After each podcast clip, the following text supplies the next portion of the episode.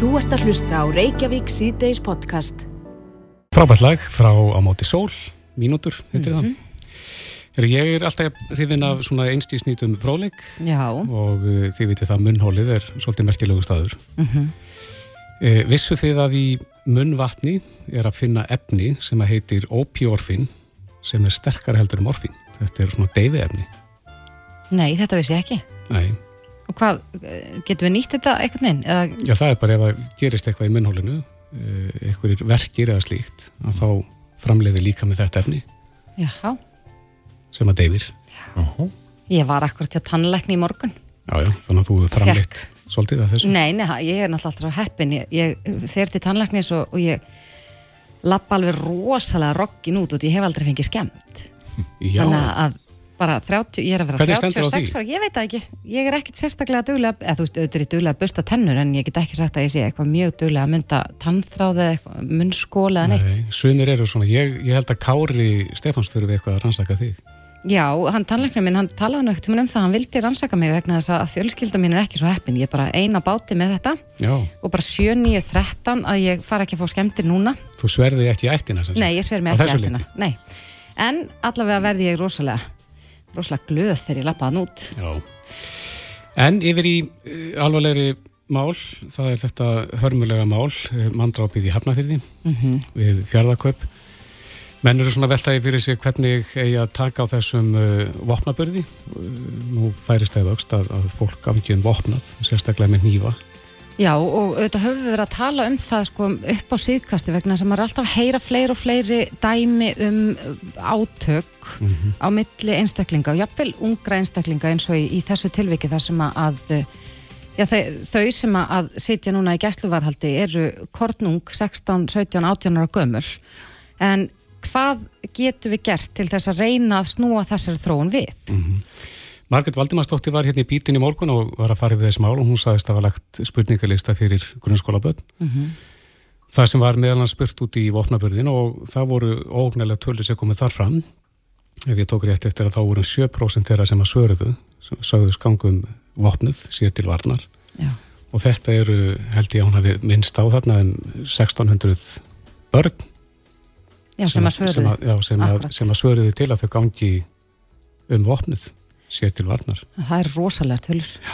En við rákumst á greinin á vísi.is í dag sem að ber heitið Hnífaburður gerður útlægur og það er hann Eithor Víðursson, öryggis og löggæslu fræðingur sem að reytaði þessa grein og hann er á línu hjá okkur núna. Komdu sæl, Eithor. Já, komið þess að. Eithor, þú ert þarna í þessari grein að, eh, já, þú ert að segja að, að við þurfum hreinlega bara að gera hnífaburð útlægan. En hvernig getum við gert það?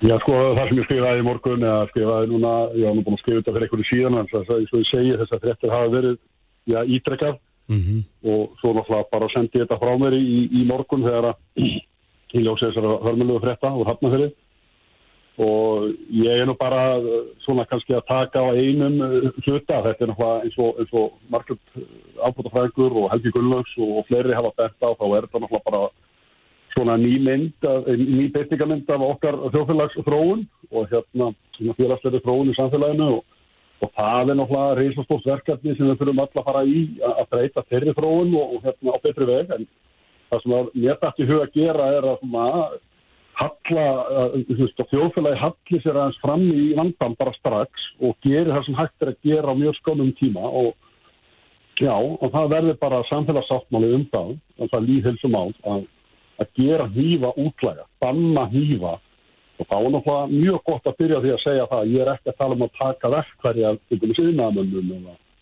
eða slátururum eða eitthvað svoleiðis. En, en er nýfabörður ekki bannaði nú þegar? Já, það eru vopnalög sem eru að vísu í endurskoðun núna og hérna og fara á endurskoðu fyrir alþingi brálega, við veit ekki hvena það getur tekið ykkur að mánu eventana Mm en nývar upp að 11 cm blaði eru leiðis og uh, ég veit ekki hvort að könnun hjá marketti hefur náðið við stærð nýva en ég veit ekki hvað þessi krakkar eru mikið að pæla í stærð nýva það er að kaupa mun stærð nýva bara nánast út um allt. Og hérna við vitum það svo sem við sem hefum úlinga, úlingstráka sérstaklega að það er ákveðin tímabil á æfinni sem að strákarnir verðum svolítið hryfnir af hýfum og hver hefur ekki kipt sér hýfa og pennir íf og, og, og, og reynt að fara með hann heim eða þá mamma og pappi stoppuðum hann og hérna þetta er ákveðið tíanbel svona dýrkun á, á þessu, þessu verkværi og vopni mm -hmm. og svo eru þessar frettir það er náttúrulega, ég er eftir að segja að stoppa frettafölding alls ekki heldur það að hývar byrja að verða ábyrgandi, það gerir þá sennilega meira ábyrgandi og meira, meira um hývabur þegar að þegar félagarnir vita á einninni hýfa þá eða jafnvel einhver ímyndaðar anstæðingur sem er hýf og þá er mjög auðvitað að nálgast þessan hýfa til geta verið ansi ansi sko grófi til þessara verka, þeir eru ekki ætlaðir í metagerð eða, eða, eða kjöldið En sko ég er nú ekki með þær tölu fyrir fram að mig eithor en, en minnir að, að það hafi nú einhvern tíma verið gerð konun á því sko hvers slags vopn væri oft nótu og þá er þetta bara oftar en ekki sko bara eldursnývar, við erum auðvitað öll með, með já, flest hver kannski með mjög beitt að nýfa bara uh, fyrir allra auguminn á heimilum okkar. Já, já, það er, það er að breyta öll í vó. Það er alveg, það er að taka bara tímaritt og breyta í vó. Uh, ég er svona ekki að banna, þú veist, það er ekki að banna eldursnýfa, það er alveg ljóst. En nýfa burður á almannafæri og þá sérstaklega kannski á kvöldin og nóttunni og ungur, drengur, 16, 17, 18 ára og maður nýf, þós, eldursnýfur þá bara er, er það mín hugmyndi þessari grein að reyna að snúa þig þannig að sá burður verður gerður, gerður bara sagnan og ef það um er að ræða einstaklingun drátjánaða eða ungmenni að þá verður bara gripið til ráða sem, er, sem, sem við þekkjum og, og, og, og barnavend og lauruglu hérna, og máli þær bara, bara tekið mjög alvarlega. Þau skila og þurfa að fara að berast til, til yngri kynsluðurinnar en þetta er ósaklega mm -hmm. En leggur þið til þá eða að lögreglan framfylgdi þessu til dæmis með því að leita á, gera svona stikkpröfur í leit á ungmennum? Já, það, ég, nei, ég er nú ekki að, nei, það er kannski ekki mjög vinsast að fara að leita á ungmennum, lögreglan að fara að stoppa að hópa á ungmennum og, og, ungmennum og fara að leita þeim bara svona á, á, nokkur ástöðu. En uh, þegar grunu vaknar og þá er lögreglu leifilegt að leita á húski og lögreglan að þá til dæmis ef hún hefur afskipt á húski, þá er henni heimist að leita á auðkomandi að, að meðalansvopnum og, og sem að til að, fyrst og fremst til að tryggja öryggi lörglu þjónana sem að verkið vinna mm -hmm. og, og þá vil ég meina að, að sko, já, sko, praktísið er þetta náttúrulega flókið, ég veit það ekki, ég, ég gerir mig fulla grein fyrir því, en ég er að ala hugsa um þessi skilabóð til þessara mörgu ungu manna sem eru á búti, 16%, með 1600 manns, sem er gríðanlega fjöldi fólks og hérna sem er með hníf og er ekki í sko ábrotum, er ekki í, í slæmi félagsstæðjöfnum en telur sér þurfa eitthvað mástæðum að, þurfa að vera með hníf. Skilabóðum þurfa að vera þannig að hnífar eru ekki löst á neinu vandamál Nei, en það er eitt að ganga með svona tól á sér og, og síðan hitt að sko beita þeim. Já, það er annað sem ég nefni hérna, það er það að, að, að, að bara vera nýg sem þú getur ekki útskýtt og það fyrir þá bara að vera með annarkort mörgu fyrirmælum það eða mörgu samtitt eða jafnvel breytar eitthvað að ef þú getur ekki útskýtt þennan nýg og þá bara fer málið í ákveðin farði nú ef að þú ert að sveiflum að þá er svo hefðun hún er þið þá bara tekið mjög meira alvarlega heldur en í dag. Ef þú opnar einhverjum í nýg eða, eða reynir að beita honum. Mm -hmm og þá það, verður það bara ákveðu eða segja sakamál út af fyrir sig. En ef þú náttúrulega beitir því í, í öðru ábróti til dæmis eins og líkansarós eins og gerist þarna að þá myndi nývaburðurinn einhver sér þingja viðlaug Heldur að, að eh, þetta myndi hafa já, ákveðin fælingarmátt fyrir já, unga einstaklinga sem eru mögulega með vopn á sér núna? Já, það er alveg hópur og fólki að þú sem er að hlusta núna og fer bara að hlæja í því og þeir bara, ég ætla ekki að hætta að vera um því. Ok, ég skil það alveg. En það eru líka stór hópur, það ég held að sé stór hópur ungmuna sem að er að ganga með því og ef það verður gert, hvað að segja, meira deglugum eða meira sagnend, eða bara sagnend yfir höfu, mm -hmm. og þá eru fjöldi, ég veit að það eru fjöldi venjulegra drengja, eða alla drengir og eitthvað stúrkur sem að hugsa sér tvistar um að fara í bíó með nýra innan hvað. En þú stingur upp á því að núna við eh, breytingu á vopnalögunum að þá verði tekið mið af þessu sérstaklega? já, ég myndi, við verðum að stíga fram í þetta vandamál og hérna, við getum ekki beðið eftir samfélagsbreytingum, við verðum það auðvitað eiga samtalið í skólunum og það er það ykkar sem er nefni, það er samtalið í skólunum, það eru yfirvöld, það eru samband sveitafélaga, uh, já, bara nánast allir, ég er nú ekki að segja leikskóla kannski, en, en svona, fljótlega í grunnskólunum að fara að tala bara um hýfa og hættu þetta um hýfa mm -hmm. og hérna, og, og, og, og ofbeldið náttúrulega yfir höfuð. Það tekur náttúrulega ungan tíma, það tekur náttúrulega halva kynslu að breyta því. Þannig að fyrst og fremst sem þetta getur tekið ykkur á mánuðu ár, að, að við verðum að fara, við, ég sé ekki aðra leið til að segja við þjóðfélagið, við viljum ekki hýfa innan á hóki þegar við mætum við hvað sem er. Já, en þú segir hér að, að og eins og þú varst enda að segja, að við þurfum að bregðast skjótt við og við þurfum að gera þetta mm. saman þetta er ekki fyrsta skipti sem að við já, ég held að þetta sé ekki eins og fyrsta skipti sem við ræðum þessi málefni við þig og við höfum talað nú um þetta við markaður þetta hefur verið ábyrrandi mm. í umræðinu upp á síkastið hefur mm. uh, nóg verið gert hinga til að þínu mati síðan að, að, að þessi umræða fóra stað af alvöru Nei, ég er ekki vanur að setja út á stjórnmálumenn eða nekku veit, maður heyrir hóðalega lítið frá ráðurum eða þingmannum varandi þetta, ég kannski er að fara vegna svo fólk veit ekki alveg hvað á að byrja. Og hérna og, og, og þannig að ég held að það þarf einhverjir fleiri að fara að tala um þessi málu upp átt og, og í fjölmjölum og við þetta er bara líð þessu vandamál ég, við höfum haft líð þessu vandamál áður. Uh, við gerðum reykingar meira en enna útlæðar á sínu tíma úr, úr grunnskólum. Ég er alveg til grunnskóla sem allir reyktu.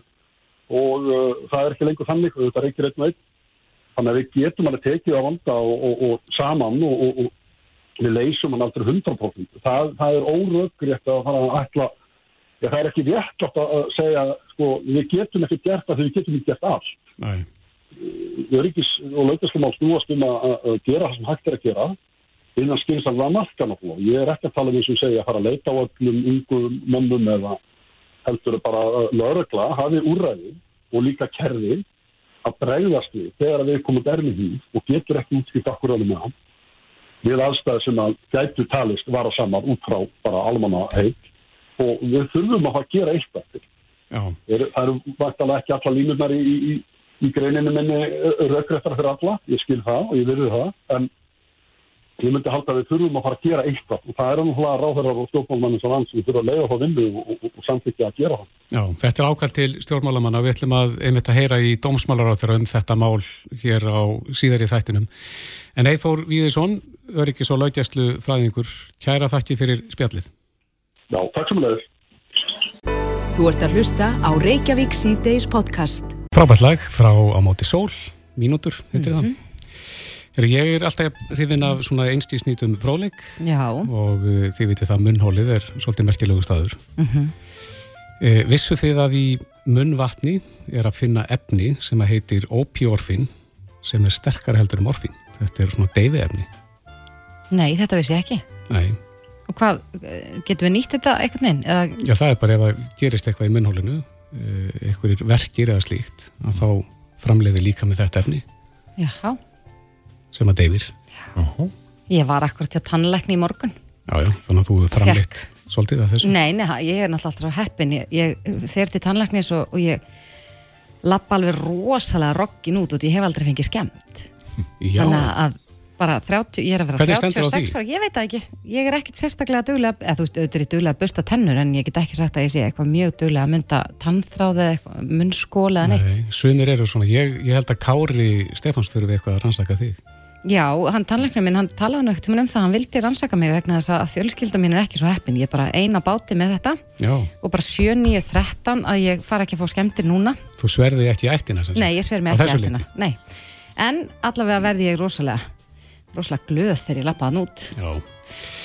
En yfir í uh, alvarlegri mál, það er þetta hörmulega mál, uh, mandrápið í Hafnafyrði mm -hmm. við fjárðarkaup. Menn eru svona veltaði fyrir sig hvernig eigi að taka á þessum uh, vopnabörði. Nú færist það aukst að, að fólk afgjum vopnað, sérstaklega með nýfa. Já og auðvitað höfum við verið að tala um það sko, upp á síðkasti vegna sem er alltaf að heyra fleiri og fleiri dæmi um átök mm -hmm. á milli einstaklinga og jafnvel ungra einstaklinga eins og í, í þessu tilviki þar sem að já, þau, sem að sitja núna í gæsluvarhaldi eru kortnung 16, 17, 18 ára gömur en hvað getum við gert til þess að reyna að snúa þessari þróun við? Margret Valdimarsdóttir var hérna í bítin í morgun og var að fara yfir þessi mál og hún saðist að það var lagt spurningalista fyrir grunnskólaböld. Það sem var meðal hans spurt út í vopnaburðin og það voru ógnælega tölur sem komið þar fram. Ef ég tók rétt eftir að þá voru 7% þeirra sem að svöruðu, sem sögðu skangum vopnuð sér til varnar. Já. Og þetta eru, held ég að hún hafi minnst á þarna um 1600 börn Já, sem að sem svöruðu. að, já, sem, að, að svöruðu til að þau gangi um vopnuð sér til varnar. Það er rosalega tölur. En við rákumst á greinin á vísi.is í dag sem að ber heitið Hnífaburður gerður útlægur og það er hann Eithor Víðursson, öryggis og löggæslu fræðingur sem að ritaði þessa grein og hann er á línu hjá okkur núna. Kom til sæl, Eithor. Já, komið þess að. Eithor, þú ert þarna í þessari grein að, eh, já, þú ert að segja að, að, að við þurfum hreinlega bara að gera hnífaburð útlægan. En hvernig getum við gert það? Já, sko, það sem ég skrifaði í morgun, eða skrifaði núna, ég var nú búin að skrifa þetta fyrir einhverju síðan, en þess að, og ég segi, þessar fréttir hafa verið, já, ítrekkað Mm og svo náttúrulega bara sendi ég þetta frá mér í, í morgun þegar að ég ljósi þessara hörmulegu frétta úr hafnafyrir og ég er nú bara eh, svona kannski að taka á einum eh, hluta, þetta er náttúrulega eins og, og margult ábútafræðingur og Helgi Gunnlaugs og fleiri hafa bent á, þá er þetta náttúrulega bara svona ný mynd, ný beitingamynd af okkar þjóðfélags þróun og hérna svona félagslega þróun í samfélaginu. Og, og það er náttúrulega reysastórt verkefni sem við þurfum alla að fara í að breyta þeirri þróun og, og hérna á betri veg. En það sem að mér dætti í hug að gera er að svona halla, að þjóðfélagi halli sér aðeins fram í vandan bara strax og geri það sem hægt er að gera á mjög skónum tíma og já, og það verður bara samfélagsáttmáli um það, og það líðhelsum á að, að gera hýfa útlæga, banna hýfa og þá er náttúrulega mjög gott að byrja því að segja það að ég er ekki að tala um að taka verkværi af einhvern síðnaðamönnum eða, eða slátururum eða eitthvað svoleiðis. Alls En, en er nýfabörður ekki bannaði nú þegar? Já, það eru vopnalög sem eru að vísu í endurskoðun núna og hérna og fara á endurskoðu fyrir alþingi brálega, ég veit ekki hvena það getur tekið ykkur að mánu eventala Mm en nývar upp að 11 cm blaði eru leiðis og uh, ég veit ekki hvort að könnun hjá markendi hefur náðið við stærð nýva en ég veit ekki hvað þessi krakkar eru mikið að pæla í stærð nýva það er að kaupa mun stærð nýva bara á nánast út um allt. Og hérna við vitum það svo sem við sem hefum úlinga, úlingstráka sérstaklega að það er ákveðin tímabil á æfinni sem að strákarnir verðum svolítið hryfnir af hnífum. -hmm. og hver hefur ekki keft sér hnífa og Tenerife og, og, og, og veit að fara með hann heim eða þá mamma og pappi stoppuðum hann. Og hérna þetta er ákveðið tímabil svona, svona, svona dýrkun á, á þessu, á þessu verkværi og vopni. Og, og svo eru þessar fréttir það er náttúrulega, ég er ekki að segja að stoppa fréttaflutning alls ekki heldur það að hnífar byrja að verða ábyrrandi, það gerir þá sennilega meira ábyrrandi og meira, meira um hnífabur þegar að þegar félagarnir vita á einnig með hnífa þá eða jafnvel einhver ímyndaðar anstæðingur sem hníf og þá er mjög auðvitað að nálgast þessan hnífa þeir geta verið ansi ansi sko grófir til þessara verka, þeir eru ekki ætlaðir í metagerð eða, eða, eða kjöti um, Já. En sko, ég er nú ekki með þær tölur fyrir fram að mig, Eithor, en, en minnir að, að það hafi nú einhvern tíma verið gerð könnun á því, sko, hvers slags vopn væri oft notu og þá er þetta bara oftar en ekki, sko, bara eldúsnýfar. Við erum auðvitað öll með, með já, flest hver kannski, með mjög beita nýfa bara eh, fyrir allra augum inn á heimilum okkar. Já, já, það er, það er að breyta öll í vopn. Það er alveg, það er að taka bara tímaritt og breyta í vopn. Uh, við erum ekki að banna, þú veist, það er ekki að banna eldúsnýfa, það er alveg ljóst. En nýfa burður á almannafæri og þá sérstaklega kannski á kvöldin og nóttunni. Og ungur drengur, 16, 17, 18 ára og maður, nýf, þós, eldúsnýfur, þá bara er, er það mín hugmyndi þessari grein að, reyna að snúa þér þannig að, sá burður verði gerður, gerður bara sagnandi og ef að um er að ræða einstaklingun drátjan á það eða ungmenni að þá verður bara gripið til ráða sem, eru, sem, sem við þekkjum og, ykkur barnavend og lörglu og, og, hérna, og, og máli þær bara, bara tekið mjög alvarlega. Þau skila og þurfa að fara að berast til, til yngri kynsluðurinnar að þetta er ósaklega En leggur þið til þá, eithor að lögreglan framfylgdi þessu til dæmis með því að leita á, gera svona stikkpröfur í leit á ungmennum? Já, það, ég, nei, ég er nú ekki að, nei, það er kannski ekki mjög vinsast að fara að leita ungmennum, lögreglarna fara að stoppa að hópa ungmennum og, og ungmennum og fara að leita þeim bara á, á, nokkur ástöðu. En uh, þegar grunu vaknar og þá er lögreglu leifilegt að leita húski og lögreglarna þá til dæmis ef hún hefur afskipt á húski þá er henni heimist að leita á auðkomandi að, að meðalansvopnum og, og sem að til að, fyrst og fremst til að tryggja öryggi lögreglu þjónana sem að verkið vinna. Mm -hmm og, og þá vil ég meina að, að sko já, sko, praktísið er þetta náttúrulega flókið, ég veit það ég, ég gerir mig fulla grein fyrir því, en ég er að ala hugsa um þessi skilabóð til þessara mörgu ungu manna sem eru að úti. Hún er til 16% við erum 1600 manns sem er gríðanlega fjöldi fólks og hérna sem er með hýf og er ekki í sko ábrókum, er ekki í, í slæmi félagsstæðjöfn en til þessi þurfa einhverjum ástæðum að þurfa að vera með hníf. Skilabóð þurfa að vera þannig að hnífar eru ekki löst á neinu vandamann Nei, en það er eitt að ganga með svona tól á sér og, og síðan hitt að sko beita þeim. Já, það er annað sem ég nefni hérna, það er það að, að, sagt, að, að bara vera hníf sem þú getur ekki útskýtt og það fyrir þá bara að vera með annarkort mörgu fyrirmælum það eða mörgu samtitt eða jafnvel breytar eitthvað að ef þú getur ekki útskipt þennan hýtt og þá bara fer málið í ákveðin farveg. Nú ef að þú ert að sveitbóðum að þá er svo hefðun hún er þið þá bara tekið mun meira alvarlega heldur en í dag. Ef þú óknar einhverjum í hýf eða, reynir að beita honum. Mm -hmm. og þá það, verður það bara ákveð eða segja sakamál út af fyrir sig. En ef þú náttúrulega beitir hýf í, í öðru ábróti til dæmis eins og líkansarós eins og gerist þarna að þá myndi hýfabörðurinn einhver sér fingja viðlög. Heldur að, að eh, þetta myndi hafa já, svona ákveðin fælingarmátt fyrir já, eh, unga einstaklinga sem eru mögulega með vopn á sér núna? Já, það er alveg hópur og að úti sem er að hlusta núna og fer bara að hlæja í tími og þeir bara, ég ætla ekki að hætta að vera um því. Ok, ég skil það alveg. En það eru líka stór hópur, það er stór hópur ungmuna sem er að ganga með því og ef það verður gert, hvað var að segja, meira deglugum eða meira sagnend, eða bara sagnend yfir höfu, mm -hmm. og þá er það fjöldi, ég veit að það eru fjöldi venjulegra drengja, eða alla drengir og einhverja stúrkur sem að hugsa sér tvistarum og að fara í bí og með nýð einan hvað. En þú stingur upp á því að núna við eh, breytingu á vopnalögunum og þá verði tekið mið af þessu sérstaklega?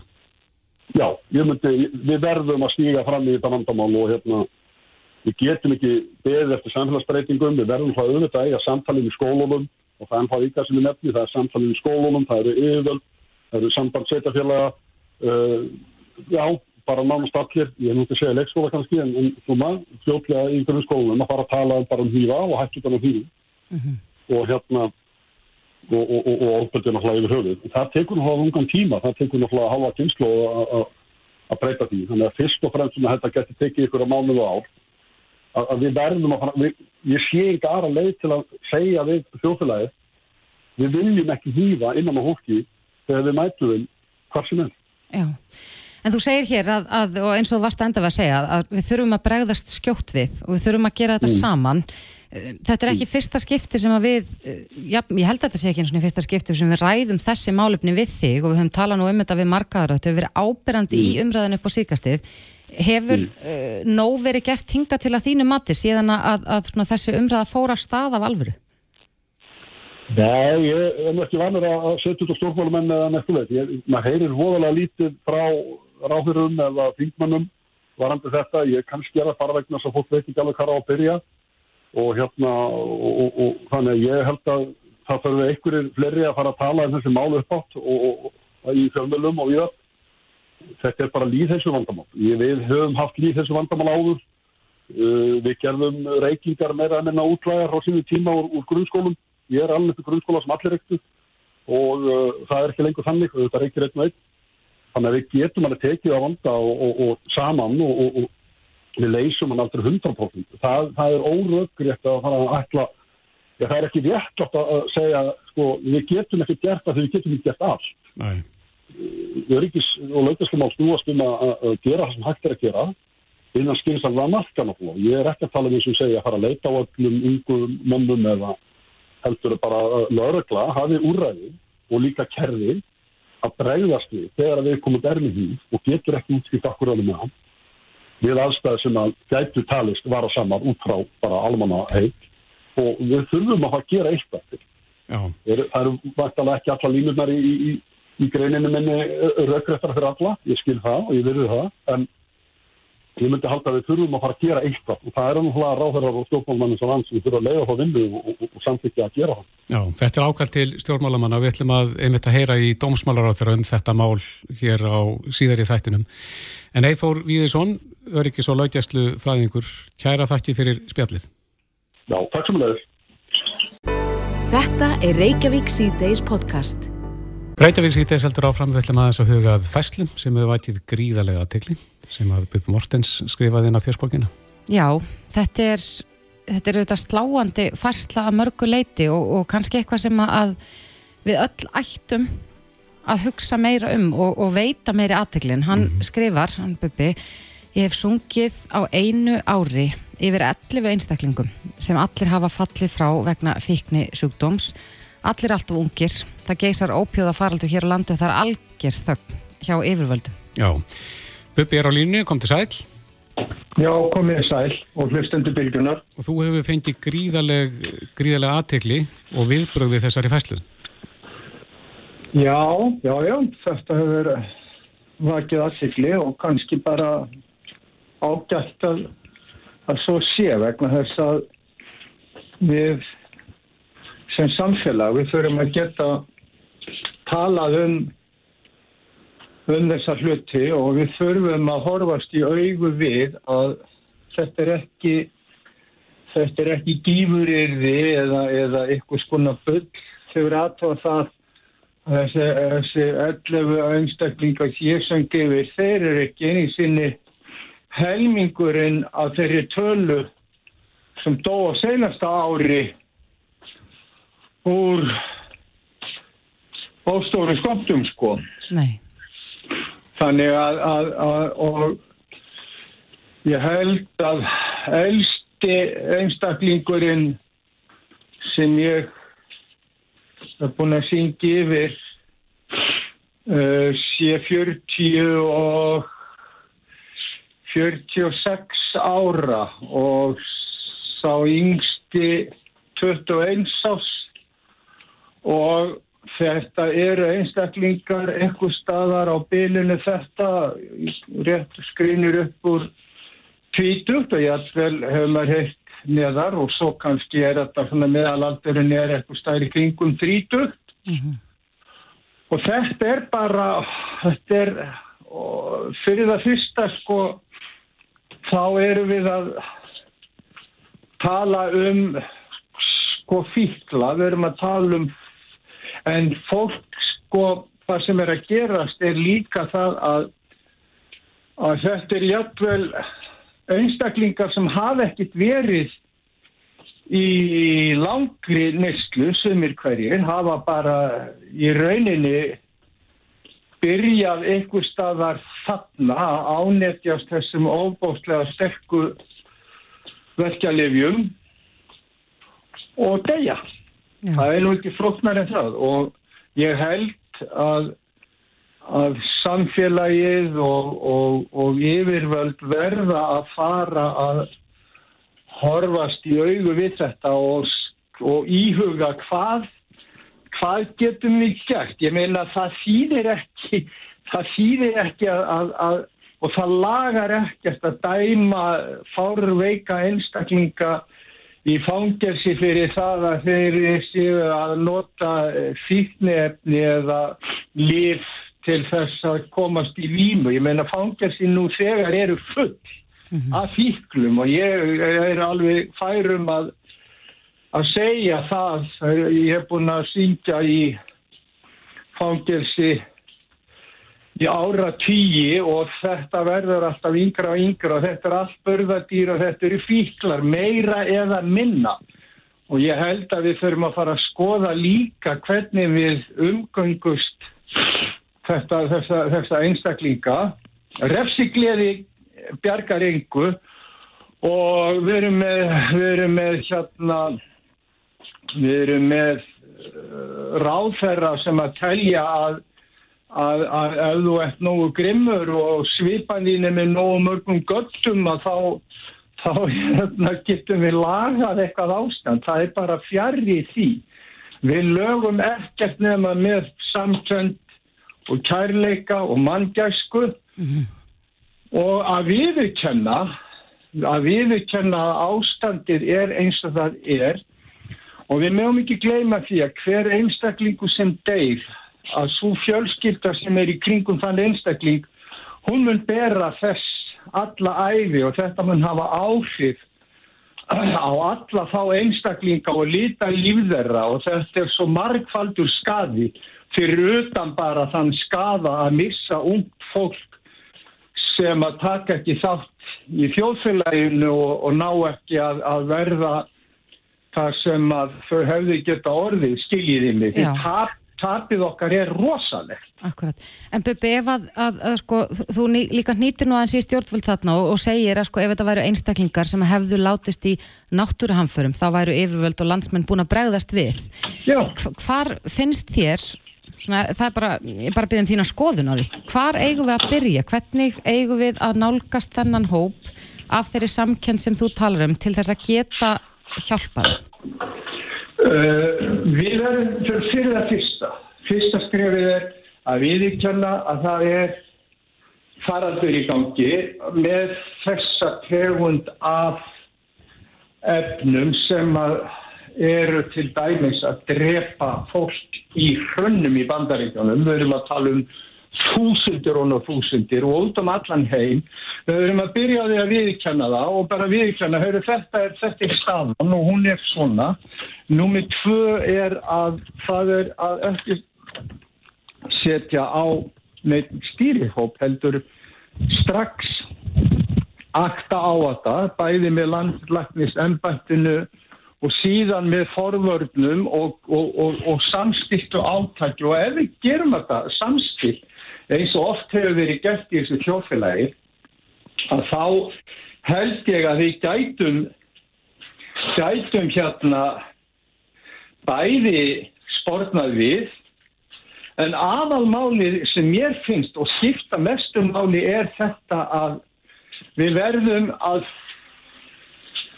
fara út úr rammanum, út úr þessum ramma sem við höfum verið í gagvart uh, hérna skadaneyslu og við þurfum að hætta einblín á þetta sem einhvers konar vandamál sem kemur okkur ekki við. Nei, en þú talar byrju um aldrei á þögnu og yfirvöldum eins og áður hefur komið fram. Uh, heldur að þessi hópur sé uh, að við séum svolítið að snúa blinda auganu að þessum hópi? Klárlega, þetta er óþægilegt, það er við vitum það, þetta er ekkert Þetta er ekkert endilega skemmtilegast á öllu og þurfa að horfast í augu við það að það eru, það eru týjir manna sem eru ánættjaðir og það eru týjir manna sem eru að deyja vegna þess að þau eru að nota öfni sem að drepa þau. Og, og það er kannski ekkert uh, mjög svona ég veit ekki hvernig ég orða það. Ég vil heldur ekki dæma pólitíkusuna sem eitthvað aðsna eða hálfvita eða, eða annað. Ég held bara þeir verða sjálfur að taka sér taki og hugsa málið upp á nýtt að þetta er ekki eitthvað sko við og svo hinn þetta er mest í skadi allra þjóðfélag þegar við tölum um sko við og svo er það hinnir og það er í, með samband við fíklana sko, það erum við og svo er þetta fíklarnir eða þetta, hérna þeir sko okkar minnstu bræður og, og konur og, og, og sinir og dætur.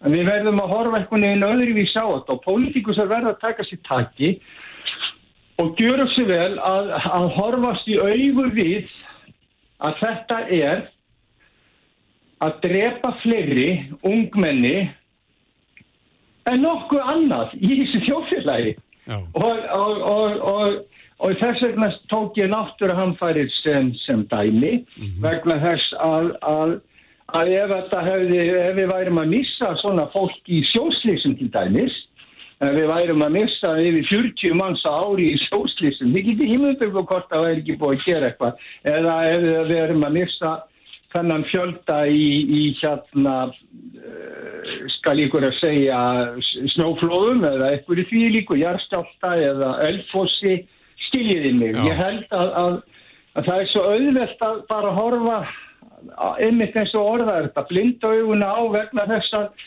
að, að sko fíklar, þetta er svo rótgróið í okkur fyrirlitningin á fólki sem er að glíma við fíknisjúkdóma og þetta eru auðmingjar, þetta eru ræflar og, og, og þetta eru þjóar og þetta er hiski og þetta er svona og þetta er hitt. Þetta hefur verið viðgangandi hugsanaháttur gagvart fíklum í ára tí og við verðum að hætta að líta á hlutin af svona. Við, þetta, er, þetta er fólk sem að þarnast hjálpar og þetta er faraldur.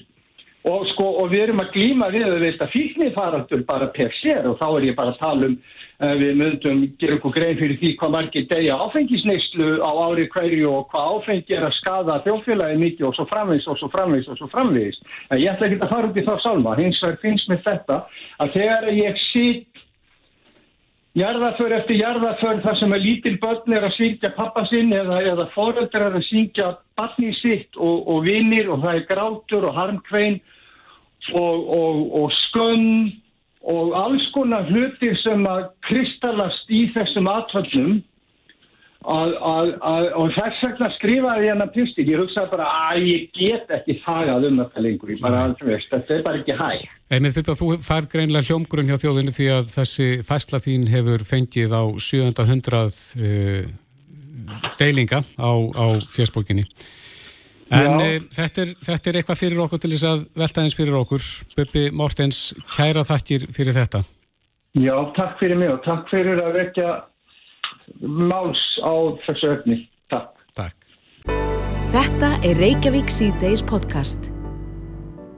Jæja, áframhaldum við hér í Reykjavík C-Days. Það er auðvitað hræðilegt að, að já, lesa frettir af þessu máli, þessu mannstrápi hafnaferi. Mm -hmm. Núna síðast berast fréttir af því að, að hef, hef, hefur komið fram í fréttum að þarna var, voru já, þrýr karlmenn og, eða drengir öllu mhm, heldur mm -hmm, og ein stúlka og nú er verjandi stúlkunar að, að tala um það í fréttum að, að það sé óeðlilegt að þessi stúlka sæti en gæsluvarhaldi vegna þess að hún hafi raun og verið, raun og verið, verið bara vittni og, og barn sem hafa verið á röngum stað á röngum tíma. Mm -hmm. En við rættum hérna áðan við Eithor Víðursson sem er öryggis og lögjæslu fræðingur og, og hann vil, ég er hennilega útrýma nýfum. Eh, Já, og kallar eftir því við breyting á opnalögum að það verði litið til þessa. Já, og þa það sem er kannski svona punkturni í söllu saman er að við höfum upp á síðkastu og undarfarta mánuði talað, já, að mér finnst alltaf oft um vopnuð átök og þá sérstaklega hjá ungmennum og uh, nöðsynlegt eflaust að grýpa inn í svo að, að uh, þetta þróast ekki á ennverri veg mm -hmm. en hann er sestur hjá okkur Jón Gunnarsson, dómsmálaráþara, kom til sæl Komið sæl. Ja, Þú hefur hef talað um það og talað um aukinn vopnabörði í samfélaginu. Er komið tími til þess að taka í alvöru á þessu málum? Já, já, ég meina við erum ég tel að við séum á þeirri vegferð. Þetta er uh, uggvæðleg þróun. Við horfum til að mynda bara á uh, uh, hvað sérsveit hefur það, það er svona ákveði mæli hvar þið á það því að sérsveit ríkislagurstjóra er kolluð út þegar um er að ræða vopnaburð. Mm -hmm. Það er vitað er að það séu vopn í spilinu.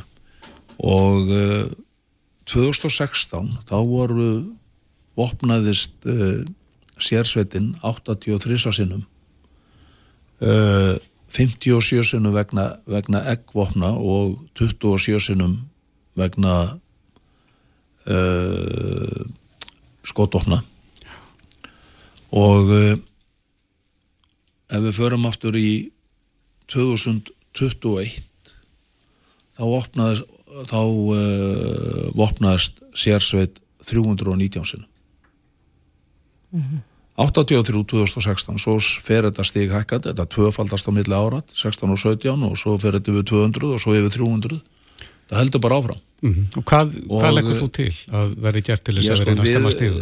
Ég er ekki vissum, ég, þú veist, með fullri virðingu fyrir þessu sjónamöðu, þú veist, að við höfum að banna nýfa, ég meina það auðvitað um það stránga reglur í vopnalugum og, og oft er þetta uh, tekið af sérstaklega ungmennum og sem eru, eru með þetta og öðrum sem eru að bera þessi vopn. Uh, og það er sjálfsagt að við herðum reglunar í þessu. Ég, eh, vopnalögin eru núna að koma fram endur skoðu hjá okkur og þar eru við líka að horfa til þessara gríðalegu aukningu sem eru orðið á influtningi á skotvopnum, mm. sérstaklega hálfsjálfurkum vopnum og við erum að setja mjög mikla takmarkanir og skorður við þessum influtningi einmitt bara til þess að stemma stígu við uh, því vopnabúri sem að maður getur sagt að við sapnastu við erum líka uh, eins og ég hef áður sagt frá hér á þessum vettvangi og víðar að, að við erum að, að höfum, erum að glíma við mjög aukna starfsemi þegar kemur að skipulegri brotastarfsemi og vopn eru þar orðin uh, miklu algengari heldur en áður var. Þannig að uh, ég tel nú að það þurfi kannski sko til þess að uh, þessi þróun meðal ungra, kannski sérstaklega ungra kallmana að vera að bera ekvo, fara bara í bæin um helgar og þykja það bara eðlert að vera með einhverja nýfa í vassanum sko. og uh, þarna þarf að koma fram þarna þarf að koma fram eitthvað áttak sem að það sem við stillum saman strengi samstarfið við skólakerfið og, og reyndar heimilinn og, og ákveðnum áður og upplýsingur sem þurfum að koma til fólksum hversu hættilegt þetta er Heldur að þessir aðeinar átti sig ekki á því? Ég held að uh, það sé eitthvað í tíðarandanum sem að gera það verkum að fólk átti sig ekki á hversu alvarlegt þetta getur verið eins og nýlegt dæmi eru þetta svo skýrstum þannig að ég held að við þurfum að takast á við þetta og við erum til að mynda núna í uh, fyrramáli þá erum við með samráðsfundur á þeirra sérstaklega um þessi mál við erum uh, búin að hittast áður til að ræða þetta og, og hérna og þar munum við svona uh, fara með okkar fólki yfir þess, þessi mál og hvað, hvað, hvað úræði við getum grepið til. Hvað var á þeirra að koma því? Já, fórsættisráður á þetta er undir, uh, undir sannsagt uh, að frumkvæði fórsættisráður og þarna er þá skóla og vatnamálar á þeirran og þeir sem að, og ég og þeir sem að þessu koma og ennbætismenn með okkur þannig að, mm -hmm. þannig að það er svo sem er er, eins og ég segi það er áður, við erum áður, við erum í þessari vinnu, það er allir að bregðast við í þessu og, og hérna aftur, þú veist, eins og bara tekið dæmið, veist, mannað annan alvarlegan brotaflokk sem er kynferðisafbrotin.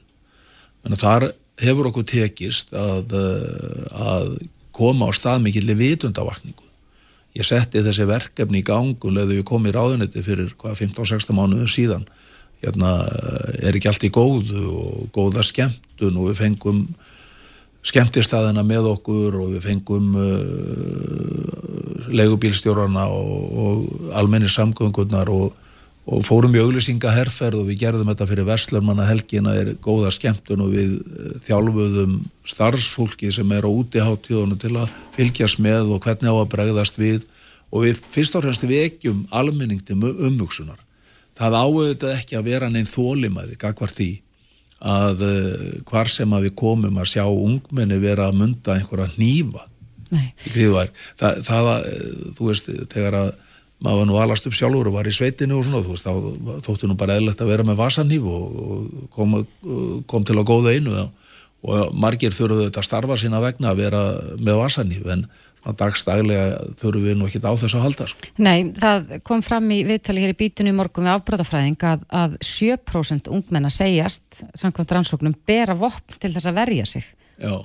það er gríðarlega hátala vegna þess að, að það eh, líklegast enginn þörfa á því en, en hvernig, hvaða leið telur þú vera réttasta? Er það með þessu eins og segir, eins og gert hefur verið í kynntfyrirsbrótamálunum, þess að ná til þessu hóps og sé, útskýra fyrir þeim alvarleika málsins? Ég held að það sé sko, áhrifamesta leiðin hjá okkur. Við getum farið í bóð og bönn og við þurfum að hafa stranga reglur. Ég er alveg á því og svo erum við auðvitað og það er kannski ekki sérstaklega út af þessu heldur bara almennt þessum vopnaburðu, þessum tölum sem ég var að fara með hef ég auðvitað eh, verið einbæta mér mjög af því að efla varnir lauruglunar þannig að lauruglu fólki sem ájá að verja okkur, lauruglu mennindur okkar að þeir séu þá sem best í stakk búinir til þess að gera það og, og hérna og því fylgjur auðvitað ákveðin forvörd þegar að svo er. En, en við þurfum auðvitað að mynda eitthvað svona ónæmi fyrir því í samfélaginu að þetta sé sjálfsagður lutur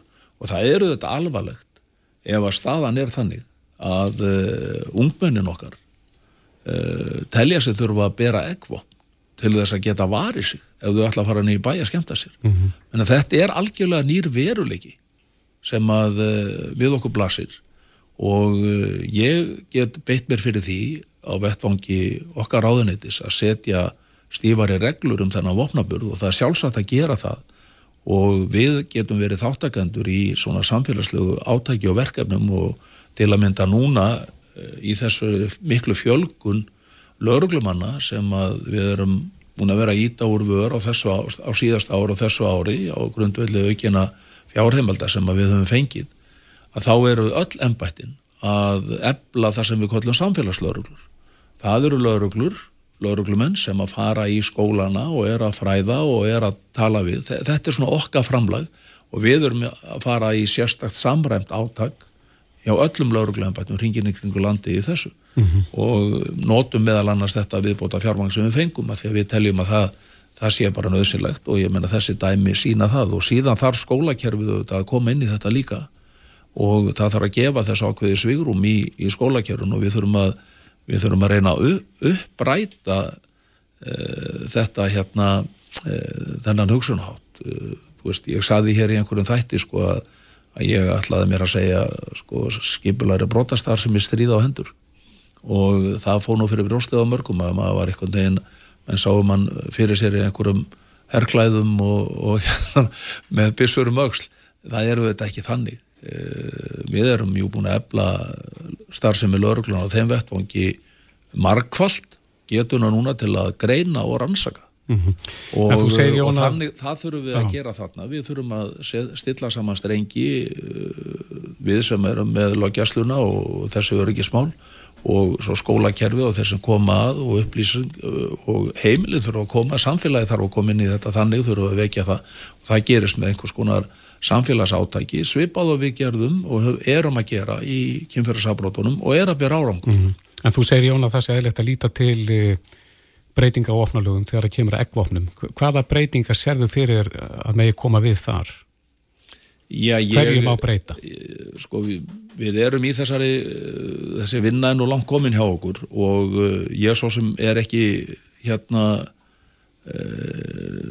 ég er ekki mikið fyrir bóð og bönn ég tel að upplýst umræða og, og hérna og svo leiðis ég miklu uh, raunhaferi til að ná árangri en við þurfum auðvitað að setja þessu samt einhverja eðlilega skorður það mm -hmm. getur ekki verið eðlilegt að menn með einhverja uh, stóra nýfa og ferðinni uh, reglulega, ég menna það er það sem við viljum ekki sjá Er litla nýfa? Já, uh, en geta búið sér til eggvopn og hverju sem er eins og við þekkjum mm -hmm. og, og hérna ég held að við munum aldrei uppræta nema að við náum að breyta uh, hugsunarættu, við náum að að svona hveða niður þennan leðenda móral sem er bara í uppsyklingu hjá okkur. Já, en þú talaður um áðan að ebla varnir lauruglu og, og hefur gert það uh, í þenni tíð sem dónsmálur á þeirra. Er einhver hægt á því að það reynilega snúist í andkverfi sína og, og að já, ungmenni telli sér frekar þurfa að bera vopn ef lauruglan er, er betur varin? Nei, það hef ég ekki áhugjör af. Ég hef engar áhugjör af því að, eh, að slík þróun mun eiga sér stað. Eh, ég menna lauruglan, við mögum ekki gleyma því að þetta fólk sem er að sinna öryggi okkar borgarna alla daga meðan við gangum um viljum gangum strætin og geta um frálstöfu strókið að þau hérna eru í hinni hlið penningsins, eru svona í öðru samfélagi heldur um við og, og við verðum að hámarka öryggi þeirra við störfsín og öryggistilfinningu þeirra. Uh, ég meina það, þessar tölur sem ég nefni hér áðan uh, sérsveiftiðin vopnast vegna hérna vopnast vegna vopna uh, 218 sinnum á árunnu 2021 hún vopnast vegna skotvopna 87 sinnum.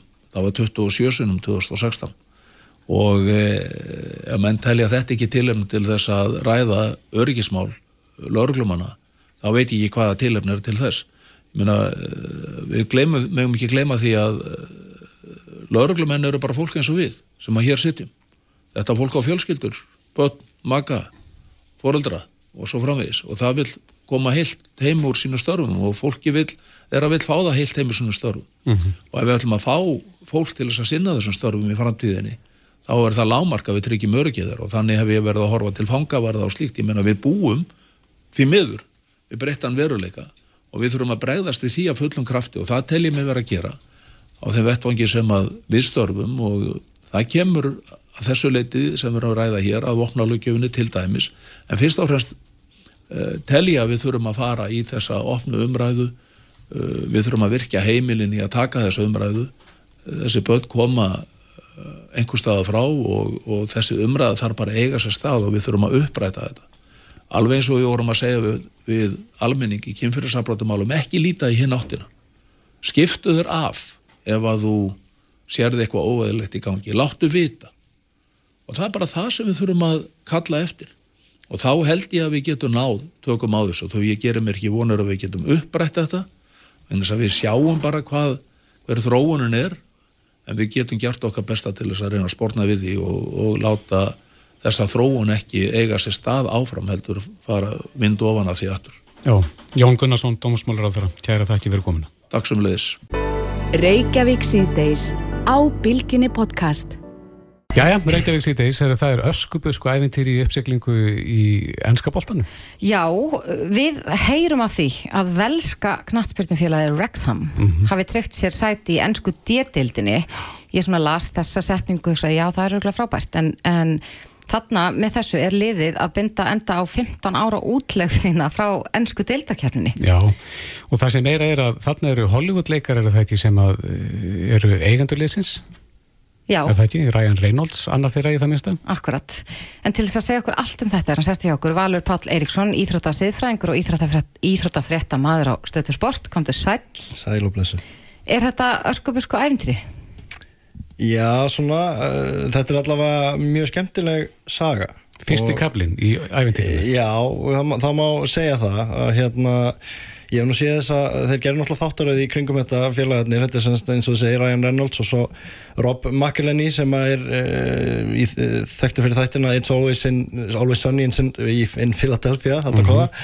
og hérna þeir kaupaði þetta lið þarna í, í kortaði 2020-2021 og kaupaði af stuðnismönnum félagsins Já. og eins og þið sögðu þá hefur liði verið í þessari útlegð hálfgerðu frá 2008 í, í, í utandeildinni og rosalega erfitt að komast upp úr þessari deild mm -hmm.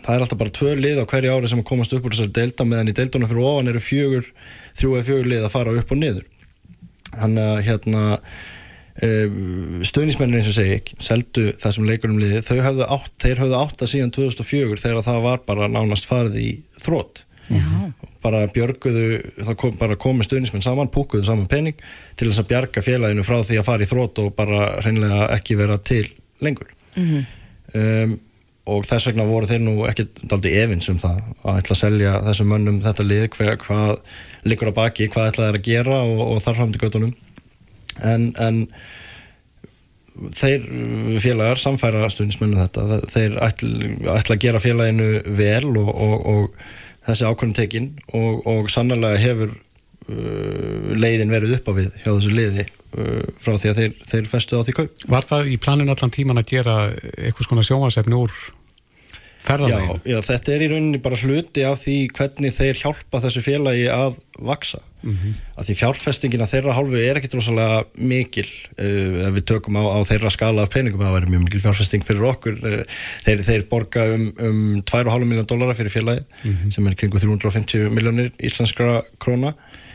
Uh, ég get alveg lofaðir ykkur því að ef að þeir myndu selja félagið í dag þá myndu þeir fá tölvert meira fyrir það vegna þess að þeir eru búinir að stækka það á svo geigvanlegan hátt mm -hmm. í gegnum sérstaklega þessa þáttaserju sem að gerir uh, þetta að því bara fræga nafni sem að mm. þetta félag er orðið. Þannig að þeir eru þegar búinir að ávaksta pundið nokkuð vel Já, í raun og veru. Ef við, ef við sko kíkjum bara í, í, í gögnin, í, í tölurnar mm -hmm félagið er með eitthvað 45.000 fylgjendur á Twitter þegar þeir kaupa það og það er 500.000 í dag þannig að það búið rúmlega tífaldast uh, Instagram fóruð úr 27.000 upp í það er cirka 760.000 í, í dag áttu ekki TikTok aðgang félagið en eru með meir en miljón fylgjanda þar mm -hmm. og uh, þeir draga líka að því að þetta eru þekknum og þetta, þeir, menn þykast vita að, að, að það er einhver uppgangur að fara að eiga sér stað þá eru þeir líka komni með bara stór fyrirtæki á, á bakvið félagið sem að gera það að verkum að það er þá líka auðvildara að fjármagna uh, fókbalta hlutan TikTok er framann á treyjunum hjá liðinu Expedia ferðarfyrirtæki er að meðal uh, auðvilsenda og þar framtökutunum Já, ég er nefnilega, sko, þú maður veltiði fyrir sig sko hvers vegna, okkur myndi einhverju bandarískir hérna, Hollywood leikarar fara og bjarga einhverju utandelda liði í, í Wales? En manni sínist að vera ástriða vegna þess að ég sá nú, bara út í þurfti að googla liðið, ég þekkti það ekki sjálf mm.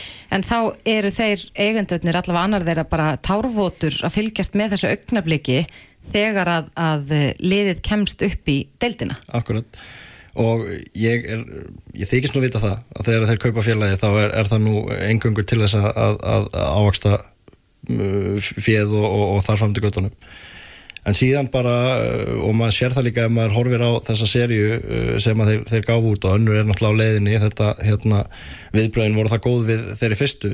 En, en að þeir svona, hægt og rólega tengjast félaginu meiri persónulegum böndum og, og þú sér það einmitt nákvæmlega í, í þessu þegar að félagi tryggir sig upp að þá er Rob Mackellan í tárvótur þarna í, í stúkunni trúir, trúir ekki að, að þetta hafi tekist. Og það náttúrulega er voru eins nálætti og hægt er að komast upp í fyrra Já. og, og uh, það að takmarki hafi tekist núna og eftir líka rosalega hardaða topparöldu sem verður eiginlega að fylgja sögunni að, að Raksam setur stigamættildinni en liðið fyrir neðan þá að því að það er bara eitt lið sem fyrir beintu að liðið fyrir neðan þá er ekki nema er slæðir líka stigamætti sem var fyrir Já. þannig að þetta er búið að vera rosalega hörð keppni og millir þeirra á Notts County í, í, í allan vetur og eins og ég segi, já, tilfinningarnar eru, eru klálega teknar yfir mm, peningagróðun myndi ég halda. Já, en hversu langt mun þetta lið geta náð? Erum við að fara að sjá bara Rexham móti hérna Liverpool eftir nokkur ár? Ég bara segi svona, já, ég þekk ekki hvernig þess að deildir virka. Nei, ég, sko, það er að því að þeir eru, þeir eru með þessu svona, þessari rosalega stefnumótandi og skapandi markasetningu á þessu liði í gegnum þessa þáttaserju mm að uh, þetta er í rauninni bara félag sem er farið úr því að vera lokal í það að vera global þó það sé í 50 eftir deild á Englandi. Mm -hmm. þannig að tekjumöguleginni fyrir þetta lið að miða við önnu lið í þessum deildum sem þeir eru að keppi er, þetta, það er ekki hægt að bera það sama Mækjum þú líka ímyndið sér að það verður vinsalt að köpa treyjur frá þessu félagi. Og, og, og það skemmir heldur ekki að eins þekkt og, og viðtekið brand eins og TikTok sé framannaði með, með merkinu og mm -hmm og það að þú, þú sjáir þessa gæja að, að auðvisa treyðin og það náttúrulega ítir undir það líka þannig að það, ég er ekkit frá því að þetta lið geti haldið áfram að fara upp deildirnar og maður séð lið með miklu minni tekjur uh, fara uh, það, það er ekkit óalgengt að lið nái að byggja ofan á svona og fari upp um deildir ár eftir ár sko. mm -hmm. Það klingi eitthvað svona kórdreindja bjöllur í mínu kolli, þetta er svona ekkert ósvipað Eh, hvernig þá? Kórdrengir var það hérna Já, kórdrengir á, já, já, Íslandi, já, já, ég, ég, sem að ná að vinna svo upp með harfylgi já. já, það er náttúrulega hérna jújú, jú, og, og, og auðvitað er það líka, þeir eru að leggja tölvöld meiri pening í sitt lið heldur en önnu lið í þessari deilt sem þeir að fara upp úr er að gera mm -hmm. og skiljanlegt að eitthvað séu pyrraðir yfir því og, og en, en þú þarfst náttúrulega líka, þú þarfst að fylgja ákveðnum reglum um um hérna eðslu hún far ekki ekki mikið umfram uh, tekina sem þú færð mm -hmm. og til þess að svona jafna út keppnisgrundvöldin en, en þegar að þú ert komin með svona miklu meiri tekjur heldur en hinnir þá ertu aldrei að sprengja þann skala vegna þess að tekjunar eru það miklar að þú getur líka eitt meira heldur en, heldur en hinnir og, og, en já, það, það, er, eru, það eru spurningar í þessu að, að þeir eru aldrei að skekja keppnina einhverju leiti mm -hmm. líka. Þeir eru að, að eins og ég segi eigða tölvert meir en hinliðin og, og, og búa til svona ákveðna uh, skekkjur hvað hva það var þar um, samanskapi skemmtilegt að fylgjast með þessu. Já, algjörst æfintýri við höldum bara áfram að fylgjast með Wrexham og sjá hvort að, að þeir mun nú einhvern tíma að kepa á Liverpool eins og ég stakk upp auðvitað það, kannski, það má, má nú fylgja líka að, að þeir eru að leggja vel í kvennaliði hjá félaginu líka sem að hefur ekki verið hérna, mikið verið sínt síðust mm -hmm. ár. Og eins og ég segi bara peningarnir verið litlir og, og eins og venjan án og ofta vera til í fókbaltanum að þá fer peningurinn tölvöld meira í kallalið heldur um kvennalið en mm. þeir er, hérna, kvennaliðið var að fara upp um deild líka og er að mhm. fara upp í eftir deild í, í Veils þannig að það er, og er núna komnum með leifi fyrir því að þeir var sem sagt áhugamannalið og verður núna hálfatunumannalið taka það skref upp á við þannig að, þannig að sá, það má hérna gefa hrós fyrir það Já, Valur Páll Eiríksson, Íþrótta siðfræðingur og Íþrótta fréttamaður, kærar þakki fyrir komuna Takk fyrir mig Hlustaðu hvena sem er á Reykjavík C-Days podcast. Jæja, Reykjavík C-Days heldur áfram. Geimdagurinn er í dag í Kína. Já, þeir haldaðan hátilegan í dag. Já, en það er Íslandingu sem kemur að því að semja tónlistina. Þema tónlistina fyrir þennan dag. Já, við rákumst akkurat á greinin á MBL, þar sem við talaðum að íslensku læknir slæri gegn Kína. Mm -hmm. En uh, hann er nú ekki bara læknir, heldur líka tónlistamæður og hann er sestur hjá okkur Viktor Guðmundsson, læknir og tónlistamæður einnig þekktur sem doktor Viktor, kom til sæl Já, blessu og sæl hvernig kom, hvernig kom það til að, að þú varst fenginn til að semja tónlistina fyrir þennan dag? Fyrir, fyrir tímverska tímdægin Já, þetta er mjög skemmtilegt verkefni. Eh, þetta kom allt til þannig að sérst, ég var að læra læknisræðat í Slovakíu í lænskólanum Jessenins Faculty of Medicine.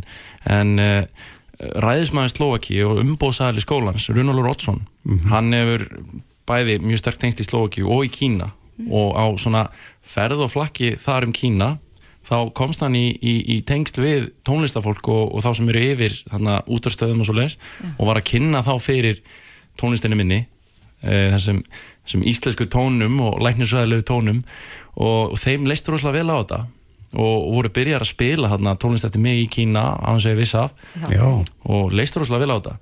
Og það var til þess að, að ég var fenginn til að gera þemalag fyrir ólimpíuleikana, veturólimpíuleikana í fyrra. Já.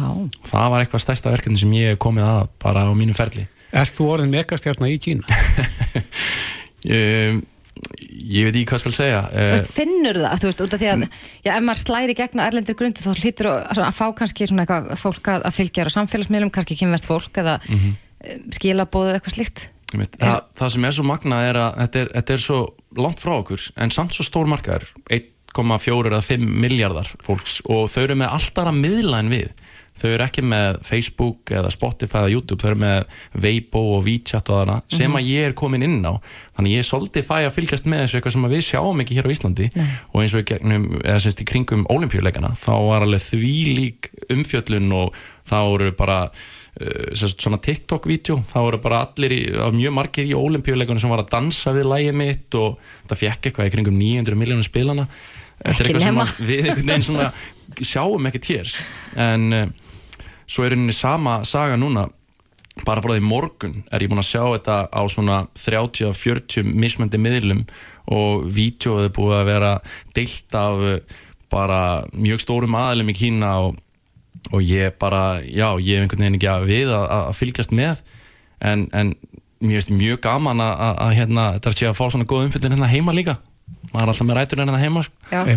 Þú ert með tveimur, er það ekki kínverðskon söngunum sem að syngja í læginu? Og sko, það er einsönguna, það er Nerissa.